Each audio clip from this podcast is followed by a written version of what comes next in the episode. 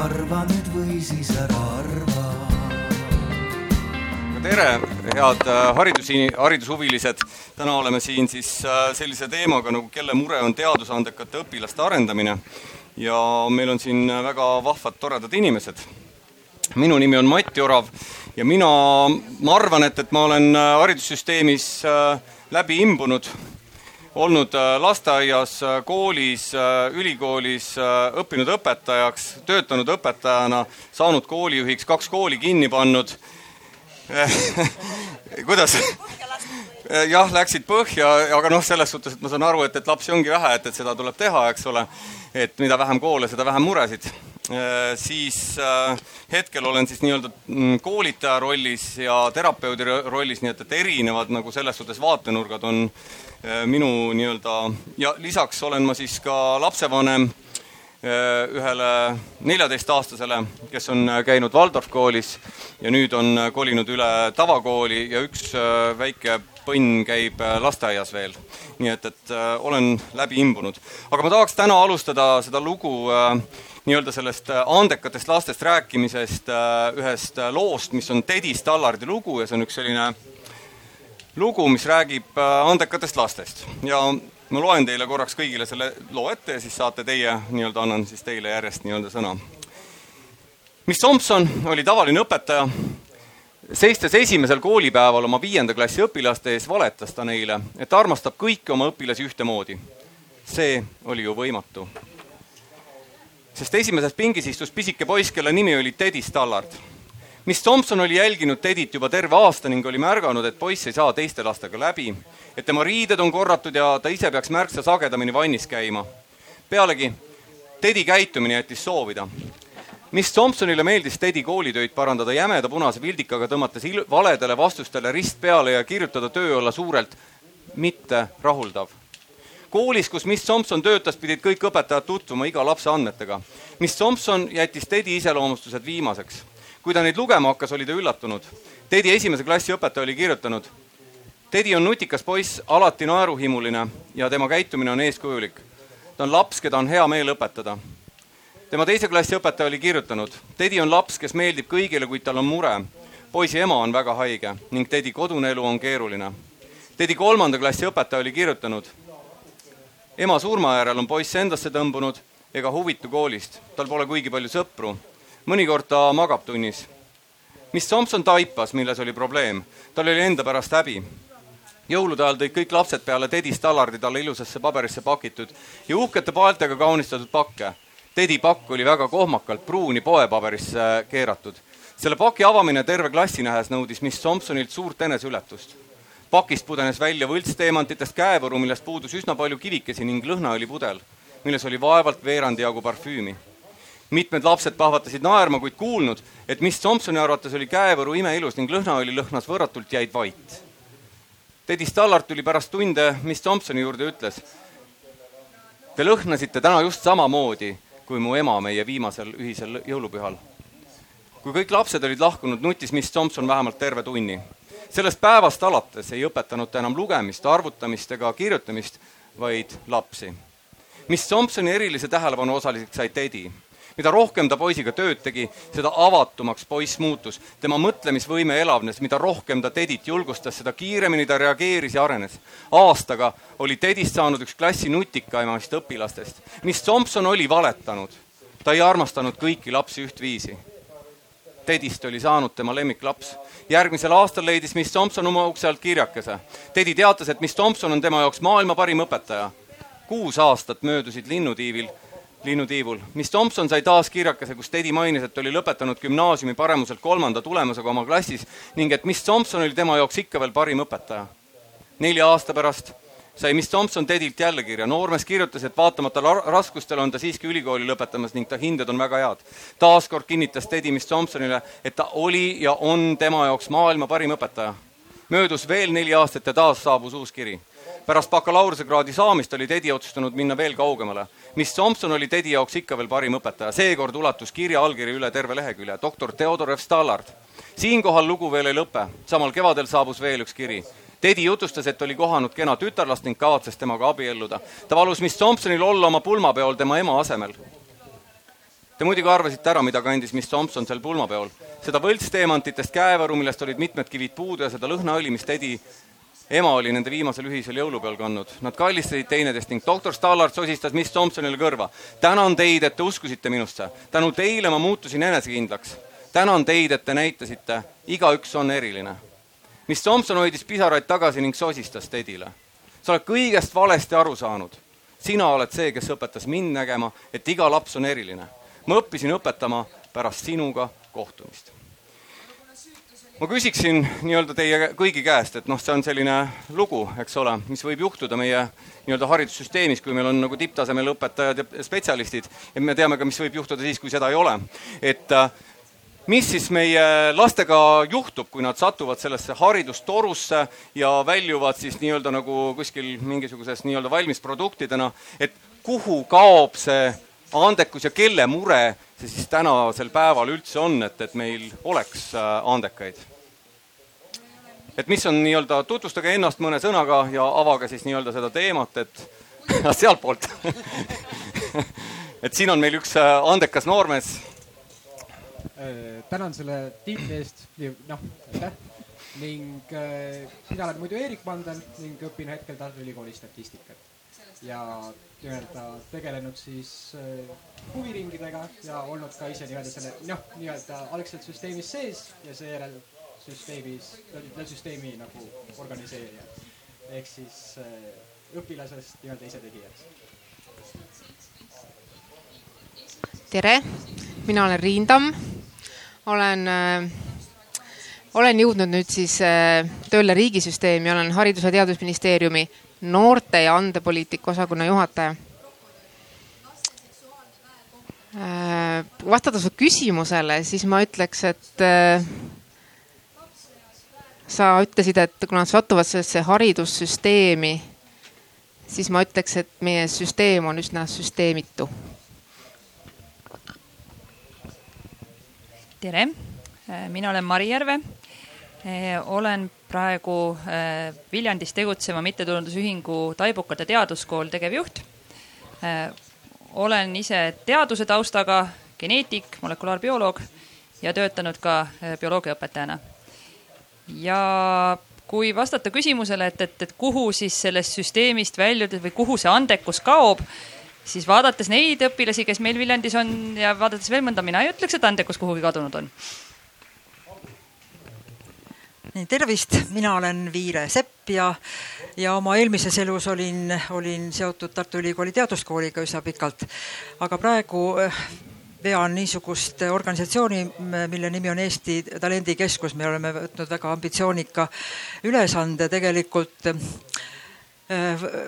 koondada kogu niisugune info ja, ja inimesed, kes, kes võib-olla selle andekuse teemaga ühel või teisel moel, kas lapsevanemana või, või õpetajana või, või, või mentorina või, või ka nii-öelda ise andekas olijana eh, kokku puutuvad ja et, et meil tekiks teatud niisugune ühesugune, ühesugune nagu arusaam, mis see andekus üleüldse on et selle üle me võime siin ka vaidlema jääda et, et loomulikult, et, et igas, igas inimeses on, on peidus mingid anded või vähemalt mingid, mingid tugevused, millele peaksimegi just nimelt selles süsteemis rohkem tähelepanu osutama. paraku, eks te ise teate, et me ju hindame koolis nii-öelda laste nõrkusi ja ikka nii-öelda kipume, kipume tegelema pigem, pigem meie nõrkustega kui kui tugevustega.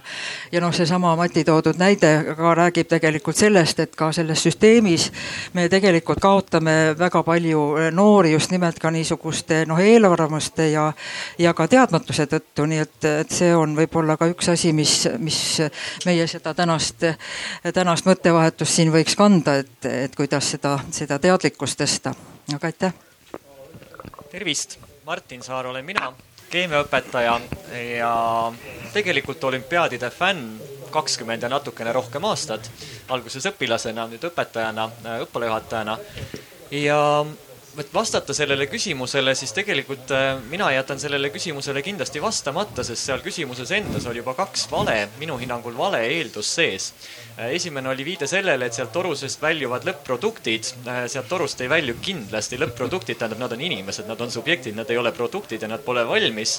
mina ei olnud valmis, kui ma lõpetasin gümnaasiumi, kui ma lõpetasin ülikooli, siis olin ma veel vähem valmis. täna ma tunnen, et ma olen veel enam vähem valmis.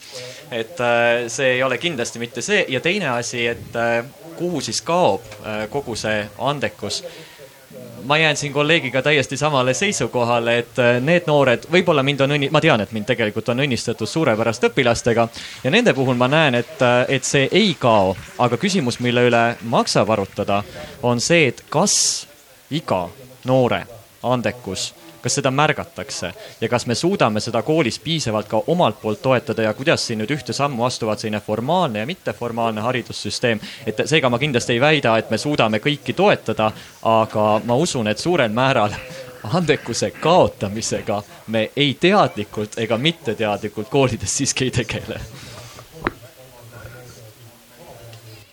minu, on kuulda jah? minu nimi on Ana Valdman ja ma olen ka oma hariduselt äh, bioloog, et siin on siis nagu kolm bioloogi, ma saan aru. et mina ei ole geneetik, et mina olen biokeemik. ja ma olen töötanud pikka aega õpetajana, äh, siis äh, mul on endale väga meeldinud lisaks sellele, et koolis töötada ja õpilasi õpetada, sellepärast et mul on täpselt samuti, nii nagu Martinil olnud alati hästi andekad õpilased. õpilased, kellel on alati olnud hästi palju õppida õppida ja kes on hoidnud mind nagu värskena ja maailmaga kursis ja ei ole lasknud mul nagu sammalt äh, selga kasvada. aga ma olen, äh, mul on, samas on mulle endale ka kogu aeg meeldinud juurde õppida ja ma olen lõpetanud ka loodusteadusliku hariduse doktorantuuri ja töötan praegu väikese koormusena siis loodusteadusliku hariduse teadurina ja suurema osa oma tööst on mul siis teaduskoolis, hetkel siis teaduskooli direktorina mm. -hmm. et äh, jaa et äh, mis seisus üldse, et, et noh, ma ei tea, kui palju siin inimesed vist on ikkagi enam haridusega on kursis, et enam, enamuses ma arvan, et, et on koolis käinud, eks ole, ja võib-olla isegi ülikoolis käinud siin. et mis, mis seis meil üldse selle nii-öelda nagu andekuse teemaga, nii noh, siin on eri tasandite esindajad, et õpilane, kes on nii-öelda väga andekas, eks ole, tegelikult on siin kõik andekad, eks ole, ka siinpool. et, äh, et, et mis seis meil Eestis äh, nii koolides, äh, ülikoolides, et mis, mis, mis tasandil me praegu nagu, mis, mis on see hetkeseis, et, et, et millest, noh, ma ei tea, kas on puudu millestki või, või, või on kõike üle ma ei tea, nii-öelda aega ja raha ja, ja mida iganes, aga et mis, mis seis meil praegu üldse nii-öelda valitseb Eesti Vabariigis, et, et mina ütlen, et, et ma noh, nii-öelda kõrvaltvaatajana praegu hetkel nii-öelda või noh, oma mingisugune pilt on mul ees, eks ole, aga et looks seda pilti natukene nii-öelda nagu erinevad vaated siia kõikidele meile, et, et mis, mis seis meil on üldse, jah. Et ma võib-olla mm, -hmm. võib-olla äh, alustan siitpoolt, sest ma, noh, mulle tundub, et ma, minul siin olijatest on võib-olla kõige pikem nii-öelda kogemus ja, ja, ja ma olen ka noh, nii-öelda erinevaid, erinevaid süsteemi osi siis nii-öelda noh, puudutanud, olen ise ka õpetanud küll noh, kohakaaslasena, aga, aga praegu ma õpetan ka Tartu Ülikoolis ja noh, seda ma võin öelda tõesti, et õpetajahariduses on see andekuse teema küll väga, väga nii-öelda noh, üsna, üsna hõredalt kaetud et, et siin no mina tean konkreetselt nüüd Tartu Ülikooli ja noh, Tallinna Ülikooli olukorda, et et õpetajahariduses ma tean, et on praegu ühesõnaga üheski õppekavas ei ole andekuse teema nii-öelda kohustusliku õppekava osa. On, on vaba või valikkursus, on näiteks eripedagoogidel, klassiõpetajatel ja siis haridusinnovatsiooni nii-öelda õppekavas on ta nagu välja toodud küll ja, ja, ja siis Tallinna Ülikoolis on, on küll üks äh, magistri äh, tasemel programm äh, ka siis nii-öelda põhimõtteliselt siis nagu siis Haridusteaduste Instituudis, aga, aga jällegi ka mitte, mitte kohustusliku ainena ja, ja kui vaadata nüüd tegelikult seda üldist pilti, mis meil on, et noh, mulle tundub, et neid niisuguseid süsteemis olevaid noh, erinevaid, erineval tasemel noh, tõesti neid, mis siis ütleme selle noh, lapse huvi peaksid nagu äratama, noh, seesama teaduskeskused ja, ja, ja võib-olla ka kõik need teaduse populariseerimise programmid, mis, mis selle eesmärgiga on. noh, siis on meil tõesti noh, Tartu Ülikooli Teaduskooli eeskujul ju ka need niisugused spetsiifiliselt võib-olla noh, võimekamale õppijale suunatud teatud äh, institutsioonid või või ka siis ütleme, suure institutsiooni osad on kõikide ülikoolide juures praktiliselt, kus, kus ikkagi tehakse äh, kursusi äh, siis kooliõpilastele mõeldes. ja noh, et põhimõtteliselt ja no ega mitteformaalharidus, et no loomulikult me teame seda pilti ka, et noh, see, et meil on nii-öelda meie laulupidude ja tantsupidude tulevik on ju hästi nii-öelda kindlustatud, aga, aga see, et, et ei ole meil teadushuviringe nii palju, kui, kui oleks soovijaid ja, ja põhiline muidugi ka see, mida siin kindlasti Mari ka võib kinnitada, et ei ole meil nendesse teadushuviringidesse ka juhendajaid saata, et see on võib-olla üks, üks probleem, mis praeguses praeguses olukorras silma torkab. aga, aga põhiline muidugi, millele ka Riin viitas, et, et ongi tegelikult see, et need erinevad osad ei ole nii-öelda ühtsesse süsteemi praegu nagu kukkunud, nii et ma tõesti loodan, et, et see, et nüüd Haridus- ja Teadusministeeriumis see, see spetsiifiline nii-öelda osakond, mis selle teemaga peaks tegelema, on nüüd loodud, et, et siis äkki see süsteem siis hakkab, hakkab nagu seal, seal kujunema mm. -hmm Riin, sa, äh, sinu käes on juba mikrofon, et sa annad kindlasti siis meile riigipoolse vaate, et mis äh, praegu teoksil?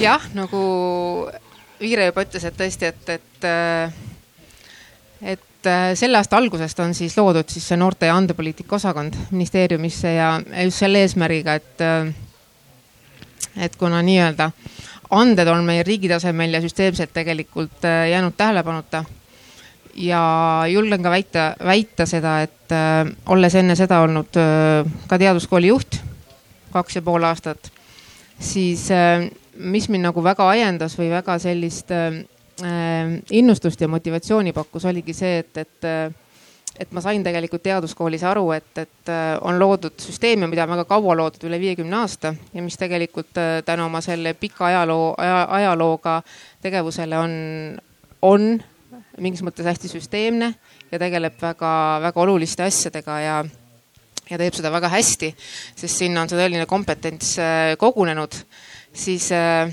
siis siiski oli, oli asju, kus, äh, kus ma tundsin, et minul seal positsioonil olles jäävad käed väga lühikeseks just tänu sellele, et meil ei ole tegelikult taga sellist riiklikku, riiklikku korralikku tuge ja, ja just nimelt seda süsteemsust nii et äh, jah, minu üks väga suur missioon ja väljakutse ministeeriumis on see, et, et, äh, et me tegeleme väga-väga siis põhjalikult praegu andepoliitika tegevuskava loomisega, see on üsna algjärgus. julgen väita, et eile lugesin selle esimest äh, mustandit. ja enne, kui see siis välja läheb meie partneritega, partneritega konsulteerimiseks, et, et jah, ja see on ka Vabariigi Valitsuse uue valitsuse siis, kes meil praegu, praegu on, nende saja päeva plaani üks prioriteet see oli, me kirjutasime valmis kontseptsiooni ja, ja aasta lõpuks peame valmis saama siis ka tegevuskava koos oma partneritega, nii et, nii et väga jõuliselt praegu me riigi poolt äh, lükkame seda, et, et me saaksime andekatele rohkem tähelepanu pöörata ja tegelikult nende jaoks selle süsteemi luua, luua siis äh, väga selgeks sest me räägime ikkagi, meil on need noored, kes äh, just nimelt, kelle, kelle aja, aja pärast me siis ka nii-öelda äh, võib-olla, ma ütlen, kelle, kel erinevad tegevused nende, nende aja pärast konkureerivad, neil on formaalharidus, neil on mitteformaalharidus.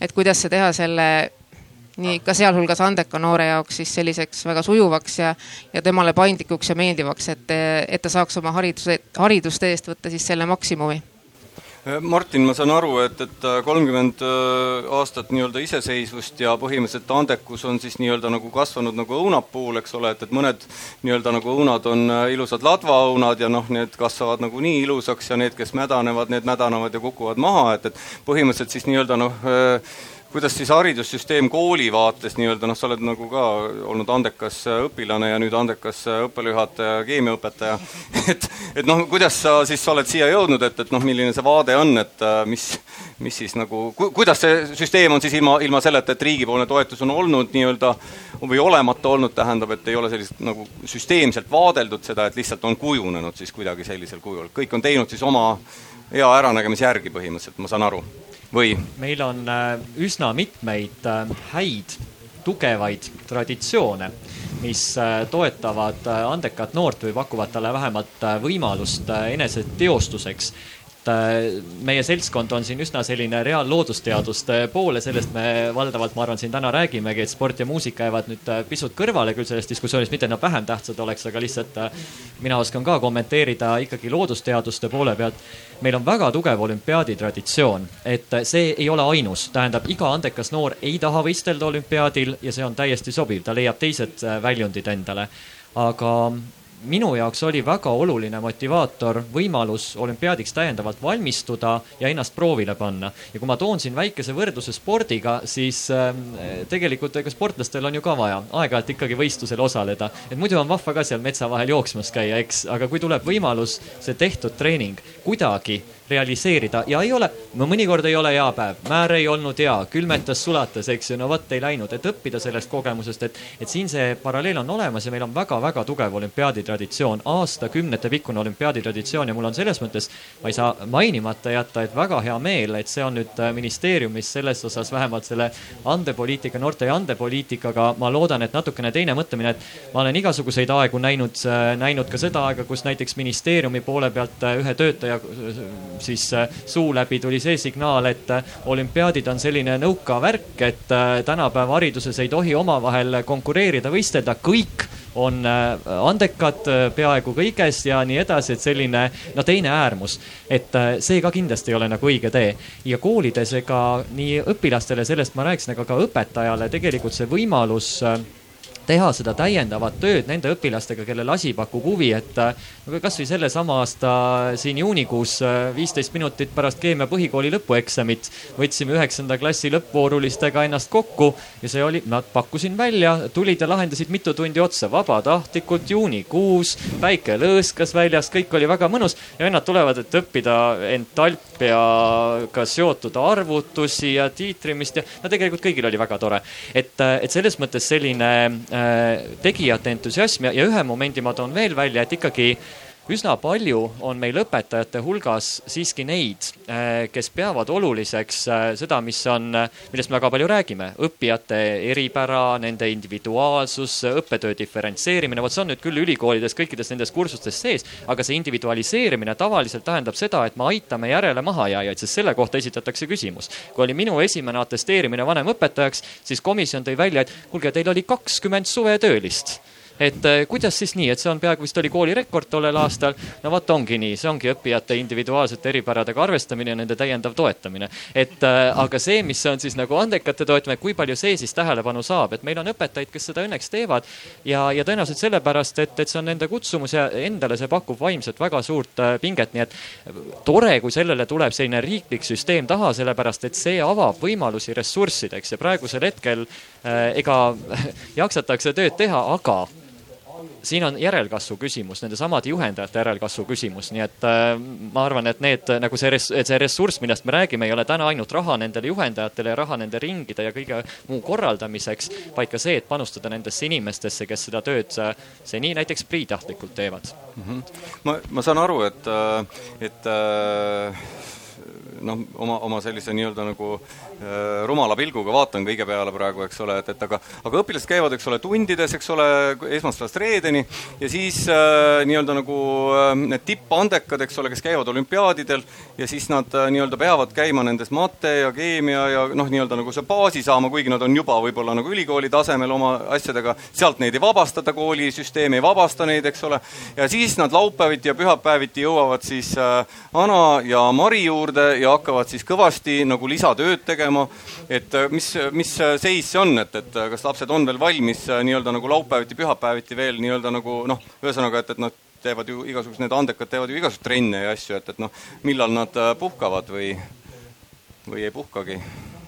no see on hea küsimus, et, et kui palju neil aega puhkamiseks jääb, sest ta, sageli on tõesti see, et, et noh, noored, kes on andekad, on andekad mitmel alal või on nagu, ma ütleks, see ei ole ainult andekus vaid, vaid ka selline noh, motivatsioon ja, ja tahe tegutseda ja mitte lihtsalt jääda noh, ma ei tea, koju mingisuguse ekraani ette istuma, eks ole. ja, ja see väljendub selles jah, et neil on sageli raske validagi oma, oma tegemiste vahel. aga jah, on meil Viljandimaal seltskond noori, kes tuleb küll laupäeval kodust välja ja, ja tuleb siis Taibukate teaduskooli ja eks selliseid noh, Eestis on olemas ju, ma tea, ei tea kui täpselt, kui palju neid liikmeid on, aga terve teadushuvihariduse liit, et neid kahtlemata oleks selliseid teadusringe ja koole veel rohkem vaja publikut oleks, aga, aga eks neid, neid on ka. Ja, ja, ja neile ühesõnaga tulevad jah, ja õpivad juurde, aga see on noh, ma arvan, et, et mis neid motiveerib, on see, et, et, et seal ma ei julge nüüd kõneleda kõigi eh, teaduskoolide eest, aga, aga see õpe on teistsugune. näiteks mina ise olen ka praegu meie teaduskoolis ka bioloogia õppejõud ja ma ei ole seal kunagi teinud ühtegi tundi, kus me ei teeks midagi praktilist. see on mul endal põhimõte, sellepärast et äh, koolis on liiga palju neid tunde, kus ei, ei jää aega, ei ole võimalik, ei ole vahendeid, äh, peamiselt ei jää aega äh, teha, teha praktilisi töid, aga mina ise leian, et loodusteaduste õpetamine ilma praktilise tööta on noh, puudulik ja, ja, ja see, ma arvan, on üks, üks tõsine motivaator, et seal saab teha, noh, et kui sind huvitab mingisugune aine, ma ütlen, me tõesti räägime siin täna natuke selles mõttes ühekülgselt võib-olla, et et kui keegi tuli kuulama andekusest niimoodi äh, laiemalt, siis jah, meie siin keegi ei ole asjatundjad näiteks muusika äh,, kunsti, tantsu sellistel, sellistel aladel, mis ei tähenda sugugi, et me neid vähem tähtsaks peaksime, aga mina isiklikult hoian oma suu parem kinni nendel teemadel äh,. aga, aga noh, lihtsalt, et, et kui sind huvitab näiteks matemaatika, võib-olla kellegi meelest on ilgelt imelik, kui kedagi võiks huvitada matemaatika, aga näe, mõnda huvitab, eks ole. ja, ja, ja kui sa siis saad teha ülesandeid, milleni koolis ei jõuta, sest aega ei ole ja see on põnevam, sa saad, sa saad proovida mingisuguseid asju, millest sa siiamaani ei saanud aru, kuidas see käib või sa saad teha mingit katset, mida sa koolis ei saa teha, siis, siis noh, see tõmbab. et see õpe ei saa olla, see ei saa olla lihtsalt, et oh, teeme rohkem tavatunde, ei. Hmm ja, ja palun. ja siin Mari juba jõudis selleni, et, et väga sageli tõesti juhtubki niimoodi, et see nii-öelda andekas õpilane seal klassis noh, saab kiiremini valmis, et kui me siin hiljuti lugesime jälle ühe järjekordsest loost, kus üheksa-aastane nii-öelda võeti Moskva ülikooli vastu. Neid, neid juhtumeid, kui te guugeldate, on, on veel teisigi. aga see, see üheksa-aastane nii-öelda võib-olla nii-öelda näitab tegelikult seda, millise tempoga tegelikult on võimalik koolis edasi minna. aga mis meil juhtub, väga sageli juhtubki see, et et lihtsalt eh, nii, et, et mul on valmis, mul on valmis ja õpetaja annab sulle, et võta järgmine, järgmine tulp või, või järgmine ülesanne, no mis on täpselt seesama, mida õpi-, noh, see laps juba valdab, mis ei ole, ta ei paku talle mitte midagi uut, mis ei ole tema jaoks tähenduslik.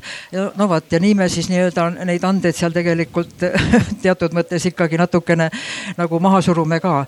aga, aga mis on, noh, ma arvan, et see, see eeskuju meil juba tegelikult teaduskooli tegevusest on, me alustasime, ma arvan, et üks viisteist aastat tagasi juba sellega, et, et äh, teha koolidele nagu äh, tõesti see selgeks, et näiteks teaduskooli kursusi võiks väga selgelt nii-öelda õpilase siis õppekavas arvestada. noh, see ei oleks tähendanud mitte midagi muud, kui lihtsalt kooli õppekavasse kirjutada see teaduskooli kursus sisse ja, ja on, on võimalik seda siis tõepoolest ka arvestada õpilase nii-öelda edasijõudmisel. ja, ja see, see matemaatikatund nii-öelda, kus võib-olla teised tõesti vajavad rohkem aega, tema võib tõesti minna selle oma teaduskooli matemaatika ülesandega raamatukokku ja, ja, ja võita seda aega ja noh, tõesti selle läbi näiteks valmistuda olümpiaadiks või, või teha teha seal mingit teadustööd. aga, aga mis on tõesti hästi oluline, no igasugused uuringud ikkagi räägivad tõesti sellest, et et see, see nii-öelda ülesanne peab olema tähenduslik, mida, mida rohkem ta ikkagi on seotud ka niisuguse uurimusliku tegevusega, noh, seda, seda tõhusam, nii et, et siin tõesti niisugust aega, aega, mida, mida õpetajal koolis tegelikult ei ole mis on kõige suurem probleem olnud ka läbi uuringute, et see, seda võiks võita tõesti läbi nüüd selle, et, et need erinevad noh, teaduskoolid ja, ja teaduslaborites käimine võiks olla ikkagi väga selgelt kooli õppekava osa ma olin kaks tuhat kuus aastal, kahekümne kuue aastasena sain ma koolijuhiks ja needsamad teemad olid põhimõtteliselt sellel hetkel üleval. Kas riigis, haridussüsteemis ei ole siis tõesti nagu selle aja peale nii-öelda, sellest on juba viisteist aastat möödunud, me räägime ikka täpselt sedasama asja, et, et mis see seis on, on meil see, et, et põhikoolis praktiliselt meil nii-öelda valikaineid ei ole, eks ole, formaalharidus põhimõtteliselt peab olema nii-öelda nagu noh, nii-öelda kõrval, seda tegelikult ei arvestata, ehk need andekad nii-öelda ei saa oma hindeid kanda üle näiteks matemaatikas või sport, spordis, eks ole, ikka peavad nad hüppama seal mingisugust asja, et et kuhu me äh, takerdume selle nii-öelda nagu kokkulepete nagu saavutamisel, et, et mis, mis, äh, mis, mis on see takistus, et miks meie andekused ei jõua nagu nii-öelda nagu päriselt nii-öelda nagu koolisüsteemis või haridussüsteemis nii-öelda, et, et kuhu, kuhu me takerdume selle asjaga nii-öelda, et miks me edasi ei liigu sellega, et viisteist aastat ja ma kuulen noh, täpselt sama nagu nali on ju, ma ei ole enam koolijuht, aga noh, ma kuulan, et, et midagi ei ole muutunud. täpselt sama koht ma annaks kohe äh, sõna pädevamale inimesele üle, aga, aga mulle lihtsalt tundub, et noh, et, et kui tahta arvestada, eks ole, noh näiteks meie Viljandi Taibukate Teaduskooli tunde, eks ole, kuskil õppekavas, siis noh, äh, me oleme ainult Viljandimaal ja kusagil teises Eesti otsas on äh, mingisugune teine teaduskool, millel võib olla hoopis, no ühesõnaga, et, et seal ei ole mingisugust, eks ole äh,, ühtset süsteemi, mida äh,, noh, ühesõnaga, et, et mi, äh, äh, ma kahtlustan, et asi on selle taga, et, et äh, on nagu raske äh, arvestada, noh, ühesõnaga, et, et, et millelegi, millele peab, noh, ühesõnaga igaüks võib väita, et ta pakub teadushuviharidust, eks ole. aga selle sisu, selleks, et seda arvestatakse riiklikus õppekavas, tahetakse kuidagi kontrollida ja nähtavasti siis on seda raske ühtlustada noh, ühesõnaga, kuidas me teame, põhimõtteliselt võib igaüks teha mittetulundusühingu ja väita, et nad pakuvad teadus- ja huviharidust, eks ole. ja Riin, et mis seis on tegelikult, et noh, nüüd sa, nüüd sa oled nii-öelda nagu riigi positsiooni esi, esindamas, nii et, et aga sa oled näinud ka kõiki teisi positsioone. mis toimub, et äh, mis siis äh,, mis siis on nagu, milles see probleem on? Miks ei saa nagu andekad siis nii-öelda nagu asendada seda, et, et noh, ma ei tea, vabastada tunnist või noh, et Martin oskab ka kindlasti vastata, aga Riin kõigepealt siis. See on hea küsimus, viisteist aastat tagasi tegin mina teadust veel laboris ja ei mõelnud väga selliste asjade peale. aga, aga ma kõigepealt tahaks selles mõttes äh, kaks remarki siia vahele tuua, et, et kui me siin rääkisime, et me oleme siin võib-olla väga loodus- ja täppisteaduste poole kaldu, siis omades seda riigivaadet rohkem kui pool aastat juba ja, ja, ja siis ma ütlen tegelikult, et need mured on erinevates valdkondades täpselt samad täpselt samasugused, ka kaunites kunstides on täpselt needsamad mured sees, nagu, nagu siin juttu oli. ja teine asi see, et, et kindlasti peab leidma nendele andekatele mitte ainult sellist võistluslikku väljendust, vaid, vaid on vaja väga palju teistsuguseid vorme, kus need andekad saavad siis nii-öelda oma seda neid, et, et ei pea käima ainult olümpiaadil ja võistlustel, vaid, vaid peab olema ka teistsuguseid koostöövorme siis, siis kus nad saavad päriselt siis teha see, seda, mis neile nii-öelda hingelähedane on ja milles nad väga head on Äh, mille taha see jäänud on, see on hea küsimus, sest praegu kõik, äh, kõik need teemad, mis, mis tegelikult ka siin on olnud, et see formaal ja mitteformaal ja, ja nii edasi, et need on, need on, need on kõige põletavamad asjad minu töölaual praegu ja me tegeleme nendega väga-väga intensiivselt. meil algab septembri alguses üks äh, Euroopa Komisjoni poolt rahastatud projekt, mis tegelikult, mis on kaks aastat ja mis lõpuks peaks andma siis, mis algab sellest, et ta kaardistab ära olukorra Eestis kuidas on siis äh, formaal- ja mitteformaalõppe lõimimist, lõimimine üldse praegune olukord ja see peaks siis äh, kahe aasta pärast äh, andma meile sellise väga konkreetse rakenduskava, et kuidas me seda siis päriselt ellu hakkame viima. nii et mingis mõttes ma, ma väga-väga loodan selle projekti peale, et meil on seal see elluviija, kes, kes suudab siis tõeliselt meile siis midagi väärtuslikku sealt pakkuda. aga vot, mul oli veel üks mõte ja see läks mul meelest Eerik sina oled äh, nüüd andekas õpilane ja et äh, kui palju sa oled pidanud rohkem oma unetuid öid veetma sellega, et, et nii-öelda, et, et haridussüsteemis nii-öelda sul oleksid kõik asjad korras või, või see tuleb lihtsalt nagu niisama nipsust, et sa ei peagi midagi tegema, et sa oled lihtsalt andekas ja sa lihtsalt nii-öelda panustad rohkem või on see ikkagi nõudnud sinu käest midagi nii-öelda nagu rohkemat nii-öelda, et, et sa ei saa asendada näiteks neid asju, kus sa näiteks nädalavahetustel käid, ma ei tea, olümpiaadidel, asjadel, et, et seda ei arvestata lihtsalt nii-öelda haridussüsteemis et see sinu vaade? on väga hea küsimus, aga ma ütleks, et neid unetuid öid on olnud täpselt sama palju, kui on olnud inimestel, kes mõnda arvutimängu mängivad.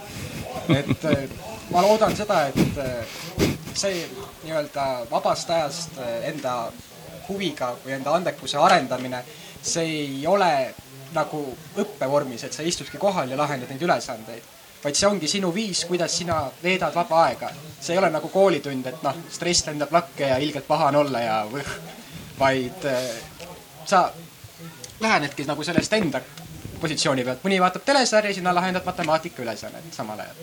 et see on su enda vaba aja veetmise viis.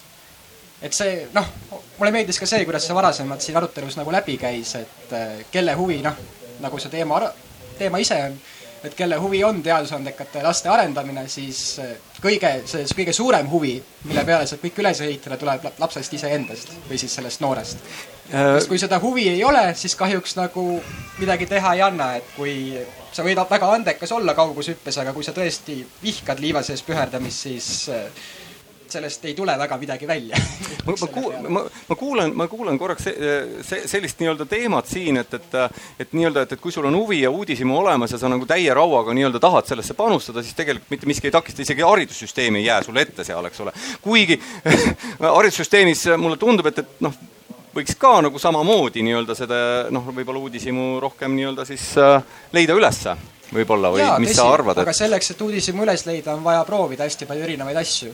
ja kui rakendada juba põhihariduses seda, et ma juba suunan enda huvisid, valin mingeid teisi aineid mõndade teiste arvelt, siis äh, meil kokkuvõttes tulevad nii-öelda väga kitsa taustaga inimesed. et äh, nii-öelda väga tore on olla matemaatikas tugev ja omada seda seltskonda, kellega neid asju nagu arutada isekeskis. aga kokkuvõttes, kui puutud laiema seltskonna kokku, siis rakendatakse just ju neid asju, mida sa näiteks kirjanduse tunnis õpid, kuigi sa kirjandust näiteks väga ei meeldi, aga ikka arutate ju, et mida viimati lugenud olete või millist kunstinäitust vaatamas käisite.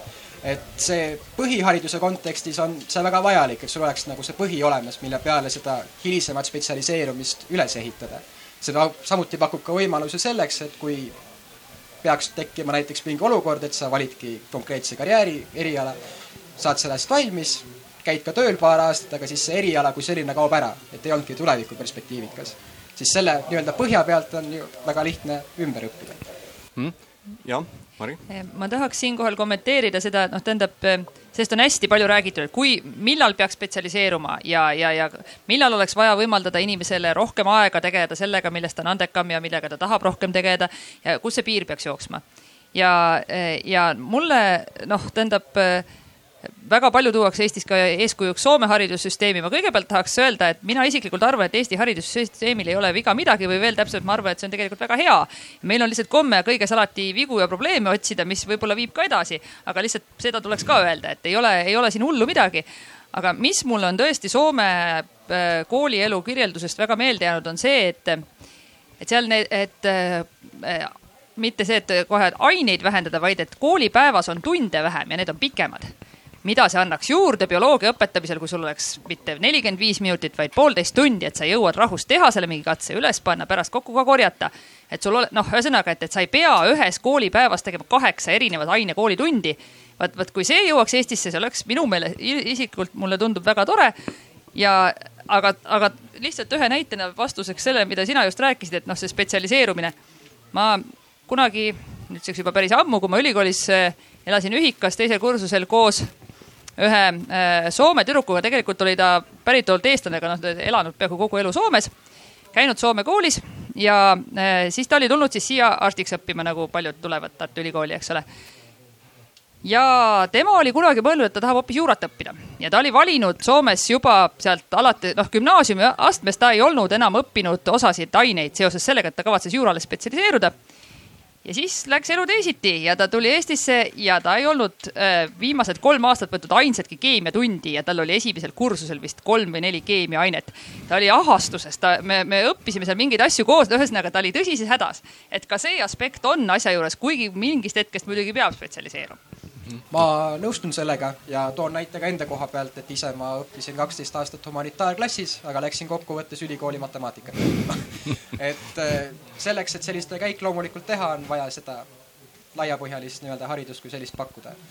ja teine mõte oli ka veel, mis ma tahtsin välja tuua, aga hetkel läks ära, seega ma Eh, lihtsalt nii-öelda nagu eh, teadmiseks, eks ole, et, et Soome haridussüsteemis minu arust kas gümnaasiumi osas, ma võin eksida nendes nii-öelda suhtarvudes, aga kuskil kuuskümmend protsenti on nii-öelda nagu kohustuslikud ja nelikümmend protsenti on nii-öelda nagu vabaained. meie protsendid on seal vist praegu nii-öelda nagu äh, kas äh, kaheksakümmend kahekümnele või? Äh, võib-olla Martin, sa oskad täpsustada? tegelikult, tegelikult mm -hmm. ei ole, aga äh, sest meil on see suurusjärk kas kuuskümmend kolm või kuuskümmend üheksa kursus, sõltuvalt kitsas või lai matemaatika, ma võin nüüd pluss-miinus ühega panna natukene bambusse, üheksakümne kuuest on see, mis on ette antud, et tegelikult see valik on, küsimus on, kuidas seda valikut realiseeritakse ja ma arvan, et tänasel hetkel on gümnaasiumid seda näiteks teinud oma õppesuundade disainimisega juba ja sellel on, ütleme, seal tuleb väga oskuslikult otsida seda tasakaalu, et ei kaotaks tervikut, aga võimaldaks individuaalsed valikud. aga kui tohib, ma korraks siin paarile asjale niimoodi kõlaks vastu, et esimene puudutab sedasama süvenemise vajadust, näiteks see, mis oli bioloogia praktikumi näide, poolteist tundi.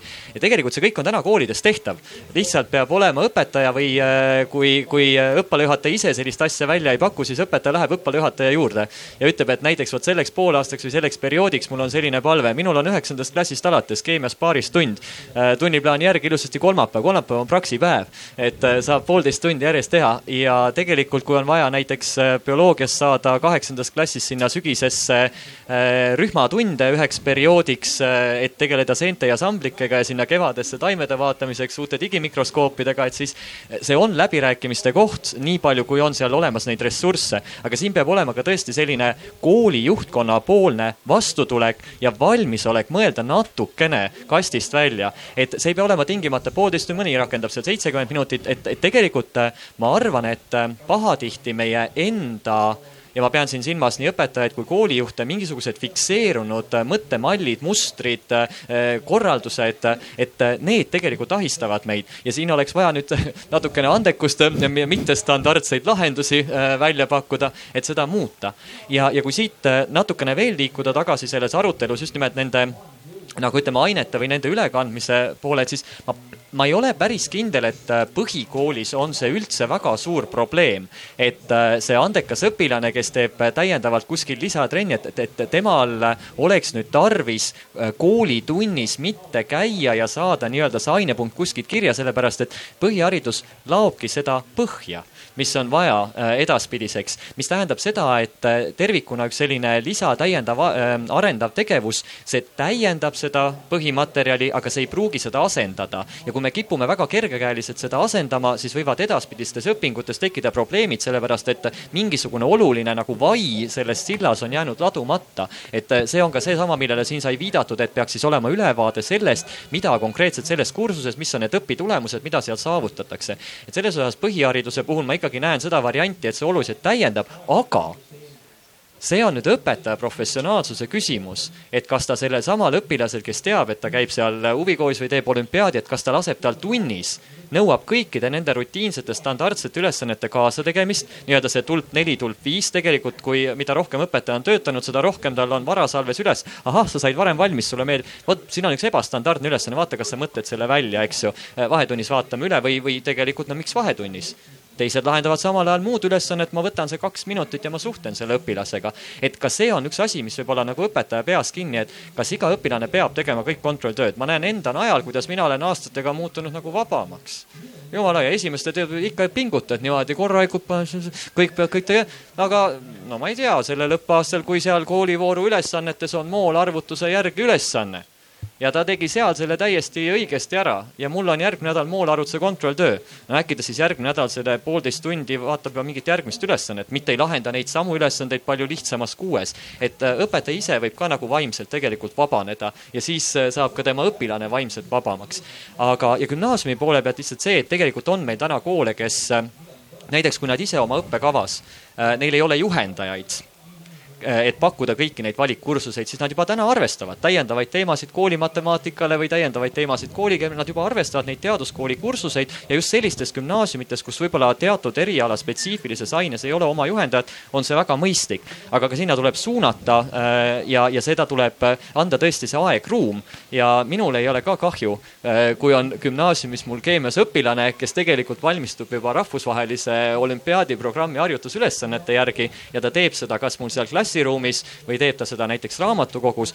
Need asjad on tegelikult võimalikud, kui õpetaja äh, ise selle peale nagu nii-öelda tuleb ja, ja, ja suudab nagu sellest äh, ma ei arva, et meil oleks mingi kontrollivajadus koolis, aga noh, natukene ikka, et, et usaldame.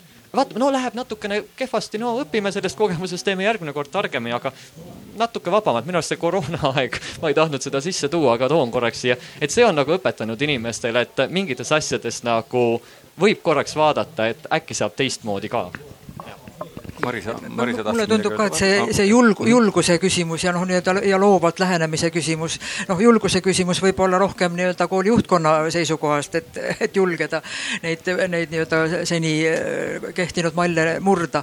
et, et põhimõtteliselt me oleme arutanud ka seda nii-öelda seadusandluse teemat, et iseenesest tõesti nii-öelda kõik nii-öelda uksed on, on lahti, et, et võiks kool olla nii-öelda vabam, noh, nii-öelda klasside ja seinte vaba, et või võiks, võiks tõesti seitsmenda klassi poiss käia koos üheteistkümnenda klassi õpilastega kuskil mingisugust asja tegemas. aga mis, mis on üks teema mulle tundub, et natuke otsapidi jookseb ka siia sisse, et no mis on ka tegelikult niisugune arutelu teema, et kas, kas andekad eraldi või andekad koos nii-öelda siis teiste, teiste õppijatega et siin on noh, ma hiljuti just lugesin väga tore, üks artikkel oli, mis tegelikult rõhutas seda, et, et teatud mõttes me, me võib-olla noh, nii-öelda segregeerimisega, noh, see, et me andekaid nii-öelda kusagil eraldi tõstame, et me võtame talt võimaluse arendada oma kõige olulisemat annet, koostööd teiste inimestega, kes ei ole alati nii, nii kiired ja nii, nii noh, ühesõnaga see teema. aga muidugi nendel andekatel on, on ikkagi hästi hästi oluline, noh, vähemalt mingi osa oma, oma sellest teadlikust kooli koolielust või ajast ikkagi veeta koos sama võimekate ja sama, samade huvidega. et see niisugune no omavaheline sünergia, mis seal tekib, et see tegelikult hästi palju nagu, nagu toetab neid. ja noh, siis tõesti nad õpet-, õpivad juba nii-öelda üksteise pealt, et võib-olla seal selles grupis, no ma arvan, et reaalkoolis on, on küllalt niisuguseid õpilasgruppe, kes noh, nii-öelda õpetavadki omavahel ja teevad üksi trenni. noh, materjale tõesti on ju olemas, teaduskooli ja olümpiaadide materjalid on kõigile vabalt kättesaadavad saadavad.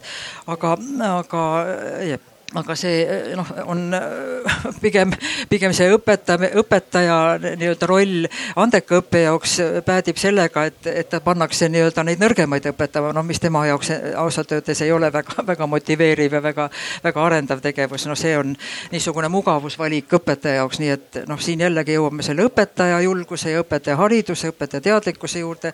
ka ainedidaktika teemad, mis noh, vajavad ikkagi õpetaja hariduses toetamist lähenemist seda andeka õppija poolt mm. -hmm. Maris mm? -hmm. ma lihtsalt mõtlesin, et eh, kuna ma tean, et kõik sellised arutelud alati alguses tundub, et on hullult, näed, poolteist tundi ja pärast on nii, et oih, kõik jäi rääkimata, eks ole, et, et kuidagi aeg kadus ära. et äh, ma tahtsin lihtsalt arutada ka seda küsimust, et noh ühesõnaga selli- need tõeliselt andekad noored, eks ole nagu, nagu sa ütlesid äh,, kõige suurem huvi on neil endal, eks ole, ennast arendada.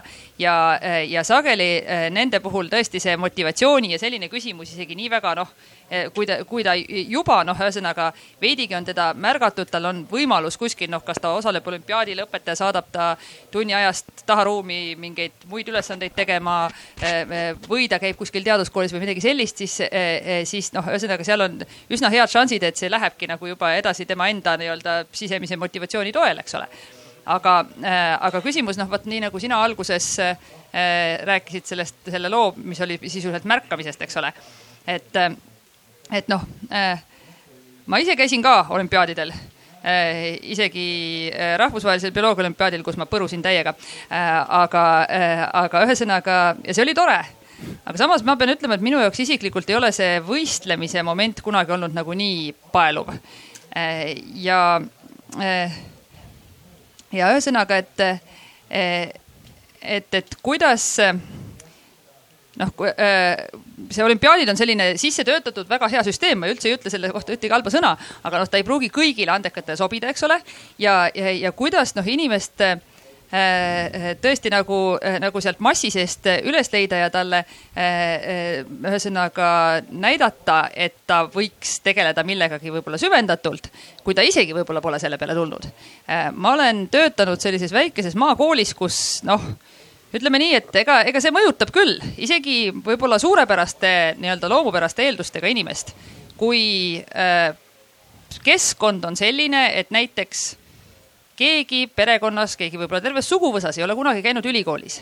Ei ole noh, ühesõnaga ei ole teadlasi, ei ole arste, ei ole noh, ühesõnaga eh, kui su sõpruskond on noh, ühesõnaga selline, et, et noh, et mis mina sinna ülikooli lähen, ma lähen kutsekasse, eks ole, et noh, ühesõnaga eh, ma mingi selline ühesõnaga arvamusavaldus ühelt mu õpilaselt tuli, et noh, et, et ma küll sinna Tartu Ülikooli, et noh, et, et, et, et võib-olla tervishoiu kõrgkooli, aga, aga miks mitte arstiteaduskonna et mis noh, ja see ja see on hästi palju on sellises mõtlemises kinni, et noh, et ma ei, ei taha üldsegi öelda sõnagi äh, olümpiaadide vastu, aga ma tahaks öelda, et minu meelest selliste teadushuvi koolide ja huvihariduse pakkujate üks ülesanne peaks olema ka noh, ühesõnaga mitte ainult valmistada ette neid, kes on juba tugevad, kes juba käivad olümpiaadil, kellel on see oma motivatsioon, vaid leida see motivatsioon nendes, kes võib-olla jäävad noh muidu iseendalegi märkamata, et, et, et tegelikult võiks millegagi rohkem tegeleda. loomulikult ei saa olla nüüd nii, et, et ma ei väida, et iga laps on kõiges andekas ja kõiki tuleb nüüd saata kohe te meile Taibukate teaduskooli. aga, aga noh, ühesõnaga, et, et see huvi äratamise roll on minu meelest ka väga oluline mm. -hmm. aitäh, Mari. Ano, jah ma ütlen ka siis paar sõna. et mina arvan, et kõik saab alguse kodust. kui on väikene laps ja vanemad, kes teda toetavad, siis ta areneb. ja esimene, kes, kellel on võimalus märgata oma laste andeid, need on vanemad. edasi saadetakse see kullakallis silmatera kooli. vahest juhtub niimoodi, et sa tead, et su laps on andekas sellepärast, et tal on olnud juba viieaastaselt peas loodusentsüklopeedia, ta on kõikide loomade lugusid peast teadnud, mis sina oled talle unejutuna ette lugenud. aga koolist tuleb ta koju negatiivse emotsiooniga, sellepärast et ta ei jaksa seal istuda, ta ei jaksa seal paigal püsida. ta ei saa aru, et tal on igav või et ta teab seda. ja õpetaja ütleb, et teate, te peaksite minema psühhiaatri juurde teie lapsel on äh, hüperaktiivsus. et ma arvan, et teine koht, kes saab seda teaduse andekat last või üldse andekat last märgata, ongi kool ja on õpetaja. ja kuidas ta saab seda märgata? see, ma ei tea, kas seda saab üldse õpetada õpetajatele või peab see olema õpetajal või inimesel kaasasündinud empaatiatunne, et ta tunneb selle ära. mina olen aru saanud selle järgi, et need lapsed küsivad, nad küsivad palju, nad küsivad imelikke küsimusi, millele mina ei oska vastata. aga ma arvan jah, et koolis õpetaja saab väga palju peale vanemaid toetada selle andeka lapse arengut ja eelkõige ta võiks ju küsida, kui ta on leidnud, et, et sellel lapsel on huvi või et sellel lapsel võiks olla soodumus eh, teatud eh, aines hästi hakkama saada, ütleme siis niimoodi. ta võib küsi selle lapse käest, kuidas ta tahab õppida kas ta tahab üksi õppida, rühmas õppida, tahaks ta minna edasi teaduskooli mõnele kursusele, tahab ta minna olümpiaadile, tahab ta viktoriinist osa võtta, tahab ta minna sinna taha ruumi, õpetaja vaheruumi ja seal üksinda nokitseda. palun. ah,, kas meil mingid ah. siin on paar küsimust tulnud, et. aitäh, jah äh, ja. Äh, mina olen alustav õpetaja ja nüüd olen noh, umbes kaks aastat, eks ole, töötanud ja mul on mure, et äh, ma töötan Tallinnas suures koolis, mul on suur klass, õpetan eesti keelt teise keelena vene koolis. ja juhatus, no kooli juhtkond eeldab, et mina tegelen siis kõigi õpilastega, diferentseerin ja eks ole, kõik peavad olema tublid ja kõik peavad hakkama saama ja kõiki neid äh, andekaid lapsi ma pean toetama ja mahajäävad lapsi ma pean ka toetama, aga teistmoodi. ja mina, kellel mul ei ole veel suurt kogemust, mul ei ole materjalide hunnikut, mida ma võiksin igale poole jagada. mida ma teen? ma olen täiesti, ma olen täiesti, mul on suur probleem, mul on mure, sest mul on nii kahju nendest tublidest õpilasest, sest ma tunnis lihtsalt ei jõua nendeni. mida mina alustava õpetajana saan teha mm? -hmm. aitäh sulle küsimuse eest. No nii, kuidas? ma, ma ei tea eesti keele õpetamisest tuhkagi, aga ma lihtsalt pakun, et see on selline, eh, kui suur on inimese enese motivatsiooni ja missioonitunne, et noh, kui seal on sellised tublid, kelleni tunnis tõesti ei jõua, ma tean suurepäraselt, et ei jõua, mina olingi ainult alustav õpetaja, ma töötasin tavakoolis, eks ole, kolm aastat. Eh, ja siis eh, vahepeal kolisin teadusesse tagasi ja, ja noh kogu energia võtavad ära need, kes, eks ole, seal möllavad, ei taha teha, ei saa aru, nii edasi, edasi. ja abiõpetajat ei ole, eks ju, ei tule ka. nii, ja, ja siis noh, oskaks pakkuda ainult seda, et noh, et teha mingisugune ring huvit-, huvitatud õpilastele kui juhtkond on nõus ja niimoodi, aga loomulikult siis selle ringi juht peaksid ka olema sina ja see tasu on väike ja noh, eks ole, et, et, et jällegi, kui, kui suur on see missioonitunne, aga, aga mina ausalt öeldes ei usu, et kõiki nagu probleeme ongi võimalik lahendada niimoodi, et, et ja, et lõpp, leiame nüüd mingi nipi, kuidas sa kolmekümmet kuut õpilast äh, diferentseeritult õpetad tunnis, see, see ei olegi alati võimalik, ei olegi sealsamas tunnis. no Eesti Vabariigis on muidugi kakskümmend neli on see piirmäär, aga muidugi. ei, ei, aga Tallinnas ja... on vabalt suuremaid, kui suur on see klass? kolmkümmend üks, jah, väga hästi, siis täidetakse nii-öelda nagu seda nii-öelda riigi piirmäärasid, eks ole. Äh, mina olen ka eesti keele kui võõrkeele õpetajaks õppinud ja olnud nii-öelda nagu äh, selles ametis. Äh, see ei ole lihtne ja seal tegelikult nii-öelda keelegrupis, see on keelegrupp, eks ole, see ei saagi olla kolmekümne esime-, ühene, eks ole see, see on jagatud pooleks, eks ole, ja mina soovitaksin, et, et mine õue nendega. aga Aga... ma soovitaksin ka, et tegelikult äh, räägi oma koolis teiste eesti keele õpetajatega.